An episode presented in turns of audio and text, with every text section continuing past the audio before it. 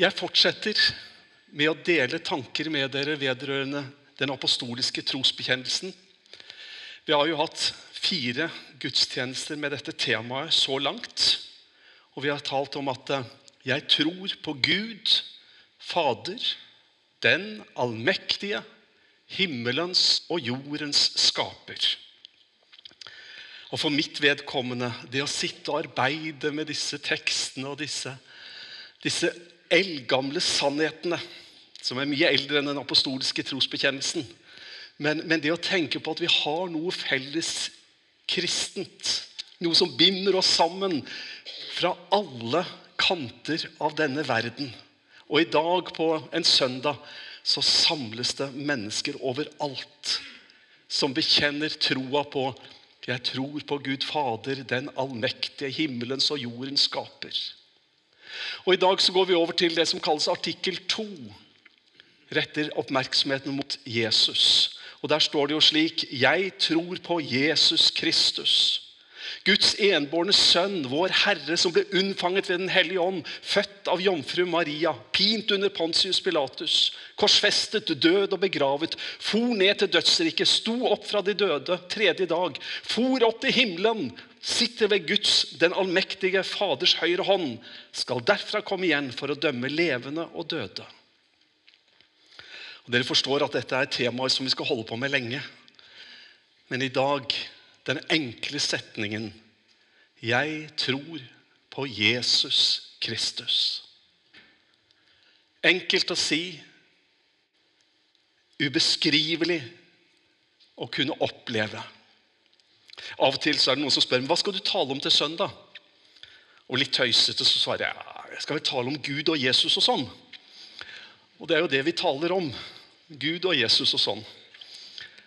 Og i dag får jeg lov til å tale om Jesus Kristus. Senere så skal vi stoppe for Guds enbårne sønn. Og så Vår Herre. Og så de videre setningene etter hvert. La meg fortelle deg en liten fortelling om en person som heter James Allan Francis. Han levde fra 1864 til 1928. Var en baptistpastor. Og eh, Han skrev en del bøker, men han har holdt én tale som har gjort at han blir husket og sitert fra ja, igjen og igjen og igjen og igjen. Han hadde en strofe som gikk igjen i denne talen som han holdt 11. juli i 1911. Ehm, han holdt denne talen, og det var én strofe som gikk igjen. Og det Det gikk igjen igjen og igjen i denne talen. Og ehm, skal vi oversette med at én en enslig person, eller bare dette ene mennesket Talen er blitt lest igjen og den er blitt gjenfortalt. Hvis du går inn på YouTube, så finner du at Ronald Reagan i 1982 fra Det hvite hus i forbindelse med julefeiringa der leste hele eller utdraget av denne talen og igjen og igjen gjentok One solitary life. Dette, Denne ene personen og hva han betydde. Jeg husker For en, eh, kanskje to-tre år siden så satt Arvid Pettersen og gjenfortalte den fortellingen. Ikke alle visste at det var det som var bakgrunnen for fortellingen. Jeg kunne den, og jeg kjente den igjen. Og han gjentok det på norsk gjennom hele dette om det livet som Jesus levde. Og For meg så er det knytta et spesielt liksom barndomsminne eller ungdomsminne til nettopp den sangen. Og Jeg lurer på om jeg våger å bruke tre minutter av din tid til at du skal få høre fortellingen om Jesus. Slik som denne baptistpastoren hadde det for mer enn 100 år siden. Bare hør.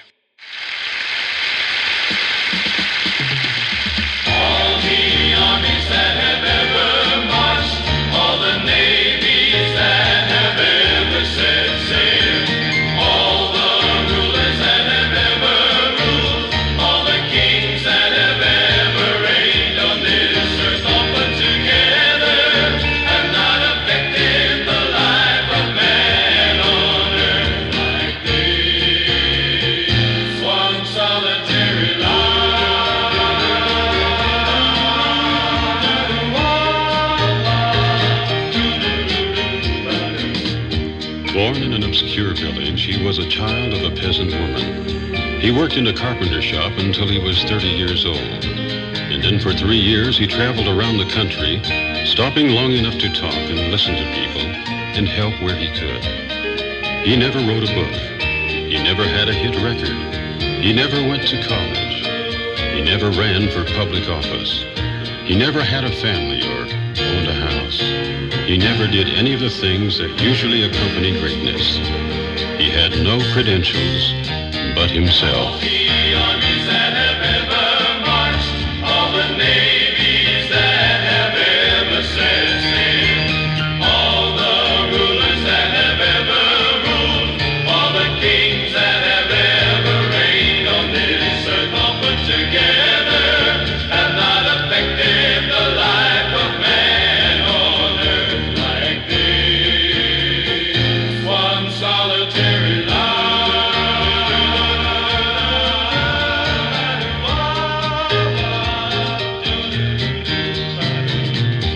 But when he was only 33 years old, the tide of public opinion turned against him, and his friends all rejected him. When he was arrested, very few wanted anything to do with him.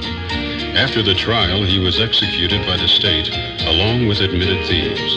Only because a generous friend offered his own cemetery plot was there any place to bury him. This all happened 19 centuries ago, and yet today, he is the leading figure of the human race, the ultimate example of love. Now it is no exaggeration to say, all the armies that have ever marched, all the navies that have ever set sail, all the rulers that have ever ruled, all the kings that have ever reigned on this earth, all put together, they've not affected the life of man on earth like this one solitary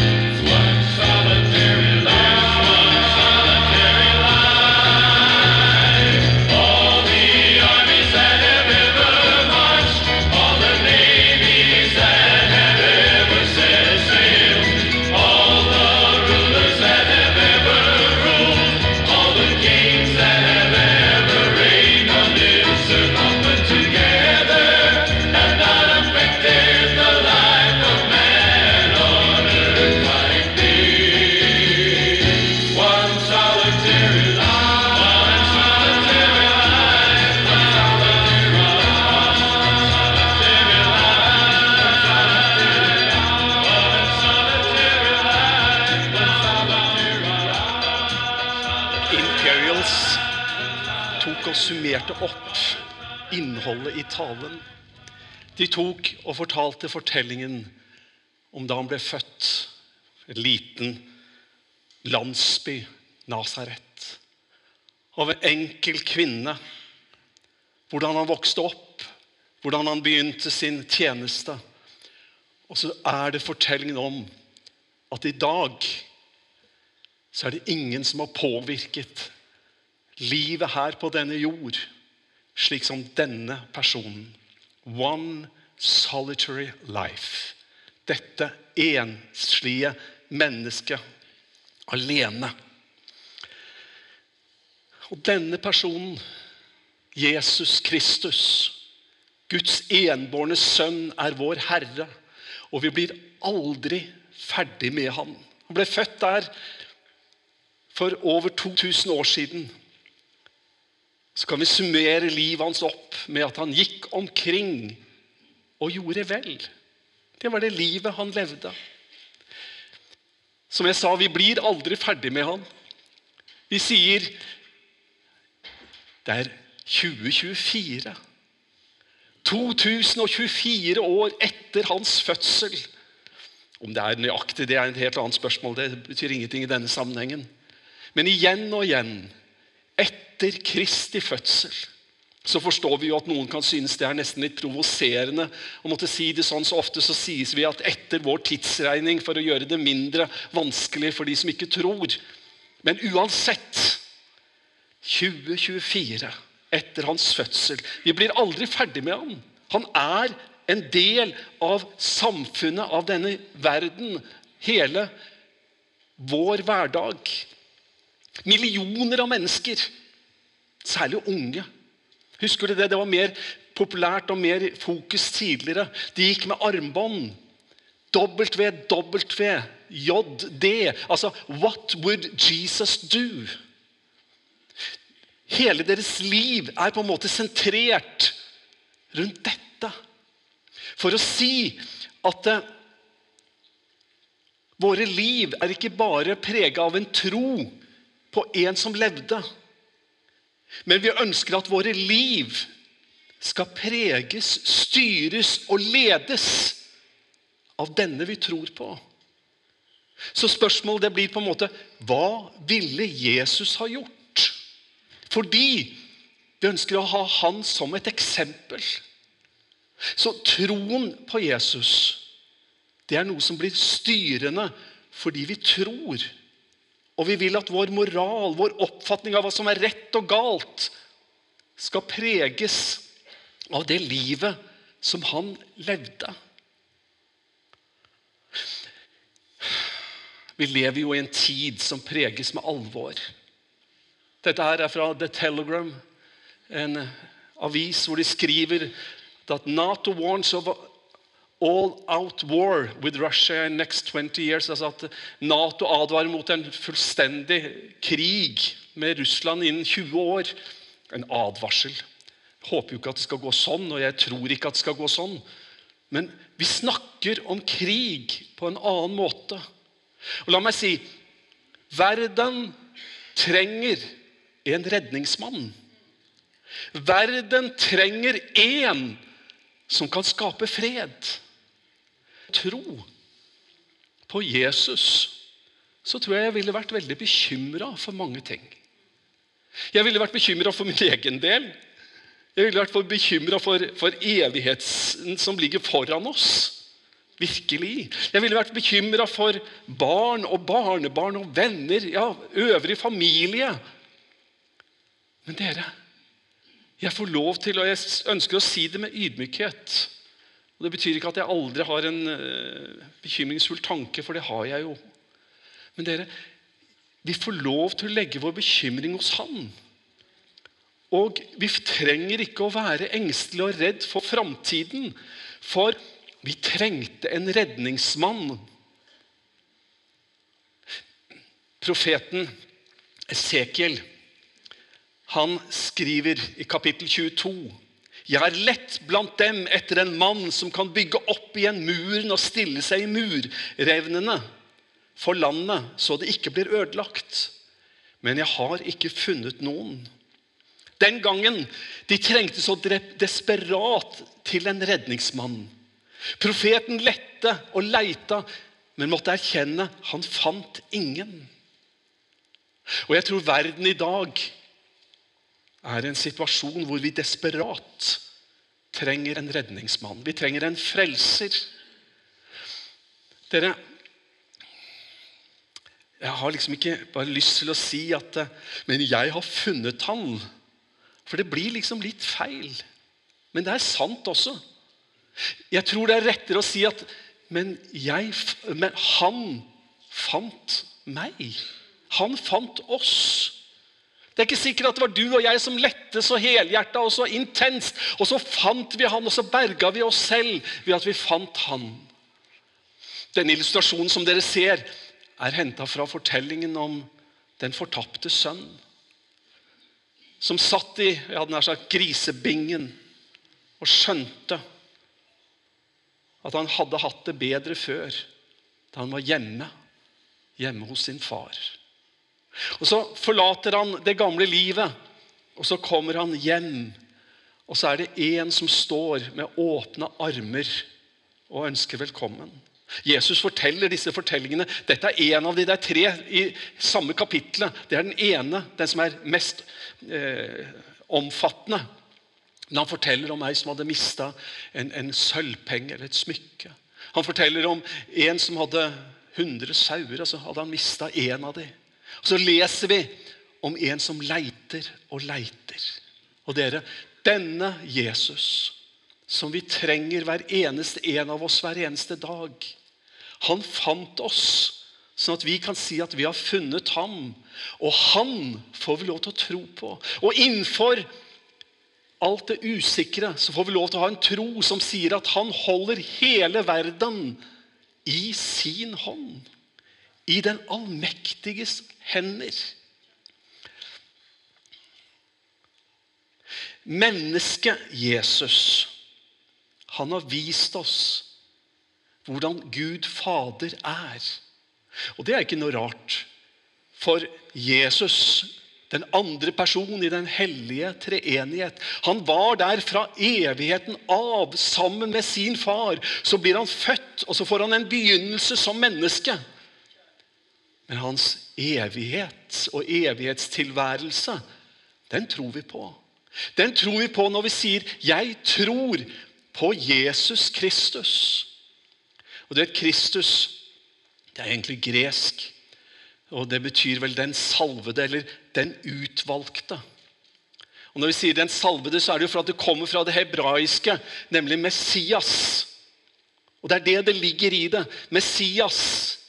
Han var den som ble salvet og innsatt. Han var den som ble utvalgt, som fikk oppgaven. Det var han de venta på. Og Når vi sier 'jeg tror på Jesus Kristus', så er Kristus noe mer enn et navn. Det er nesten at vi tenker at det er som et etternavn. Jesus Kristus. Og Det brukes nærmest i den sammenhengen ved flere anledninger, både i Matteus, Markus og Johannes, Apostelens gjerninger og Rombrevet. Så kan vi se at det brukes nesten som det. Bare nesten. Andre ganger så ser vi tydelig at det ikke brukes som det, men mer som en tittel som beskriver han. F.eks. i Matteus kapittel 16 og vers 16. Når Jesus snakker med disiplene og snakker med Peter spesielt, hvem er det, hvem er det folket sier at jeg er? Og, og hva, hva, mener dere? Og Det er da Peter sier, du er Messias, den levende Guds sønn. Altså, Han er den salvede. Da er det ikke snakk om et navn, men det er snakk om en tittel og en beskrivelse av en funksjon. Han er Messias, frelseren. Han er oppfyllelsen av løftene. Han kom, og han viser oss hvordan Gud er. Men hvordan var han egentlig? Hvordan ser Jesus ut? Jeg skulle selvfølgelig ikke om hvordan han ser ut rent sånn fysisk. Men, men hvordan er den Jesus-skikkelsen som vi sier vi tror på? Når vi sier 'jeg tror på Jesus Kristus', hvordan ser denne Jesus ut som vi sier vi tror på? Vi snakker mye om å tro på Han, men egentlig Kanskje det er viktig å se det i sammenhengen med at vi er kalt til å følge Han. Tro er viktig, og det er en viktig forutsetning for å følge. Men du vet, Jakob skriver i kapittel 2 og vers 19. Der står det du tror at Gud er én. Du gjør vel. Djevelen tror det også, og skjelver. Altså, Troen skal være en nødvendig forutsetning for at vi følger Han. Og Da blir jo et naturlig spørsmål hvordan ser Jesus ut? Hva er det vi ser når vi ser personen Jesus Kristus? Jeg skal lese fra Galaterbrevet kapittel 5.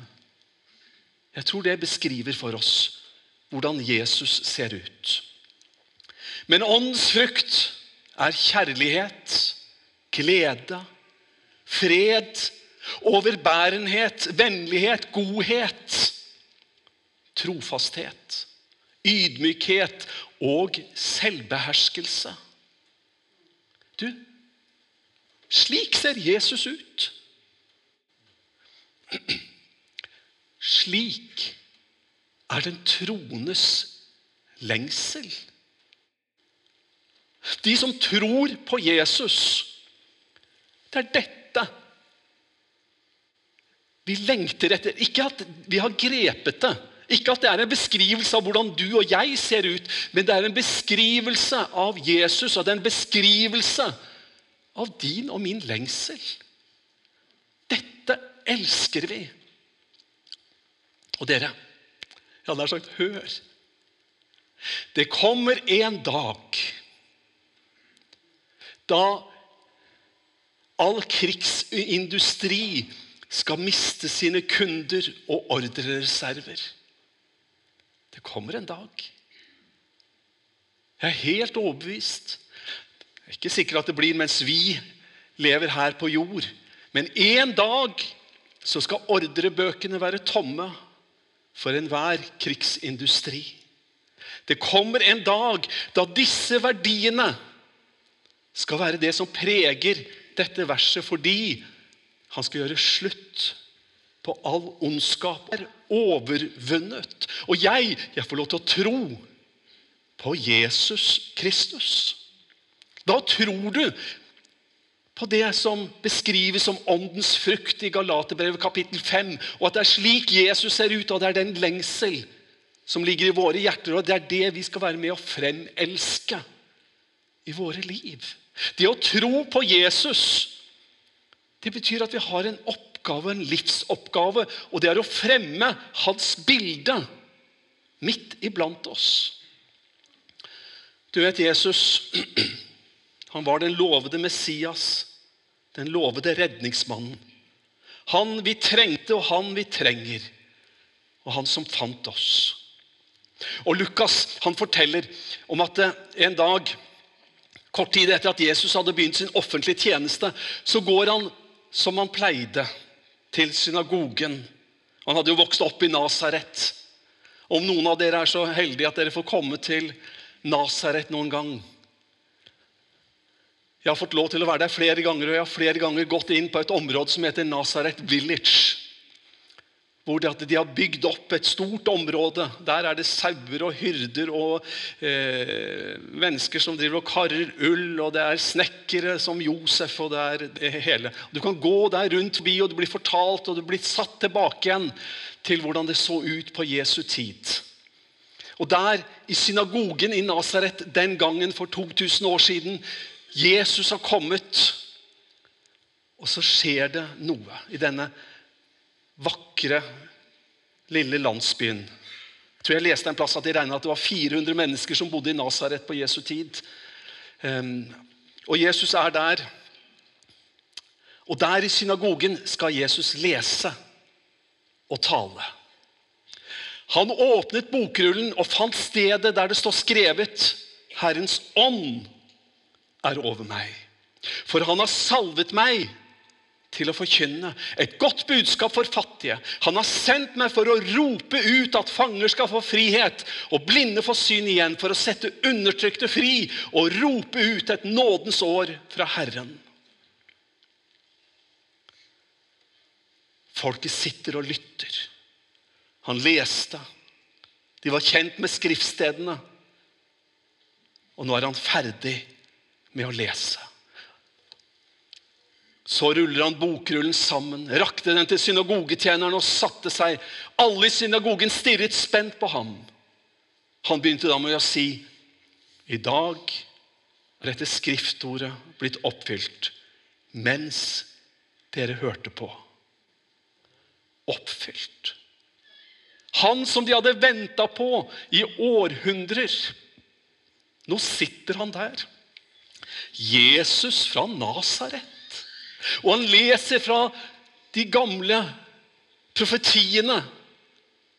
Og så sier han nå er det oppfylt. Nå, mens dere hørte på, så ble dette oppfylt. Og han ropte ut et nådens år fra Herren. Men han sa, 'Den hellige ånd er over meg'. Den ånd som vi leste om, frembringer det som jeg leste fra Galaterne 4 om åndens frukter. Det er slik Jesus ser ut. Og hadde jeg villet, så hadde jeg tatt og spilt et lite kutt igjen, men jeg vil ikke. Om at i dag så er det ingen overdrivelse. There is no exaggeration. Og vi hørte hvordan Imperial sang. For i dag, selv om det skjedde for 1900 år siden, så er han den mest sentrale person blant alle mennesker. Dette ene livet har forandra alt. Jesus Kristus. Så er det millioner som følger. Så er det millioner som tror. Så er det millioner som lengter. Så fant han oss, og så er det vårt kall. Og vi får tro på ham, og vi får følge ham. Og i all enkelhet får vi lov til å si jeg tror på Jesus Kristus. Amen.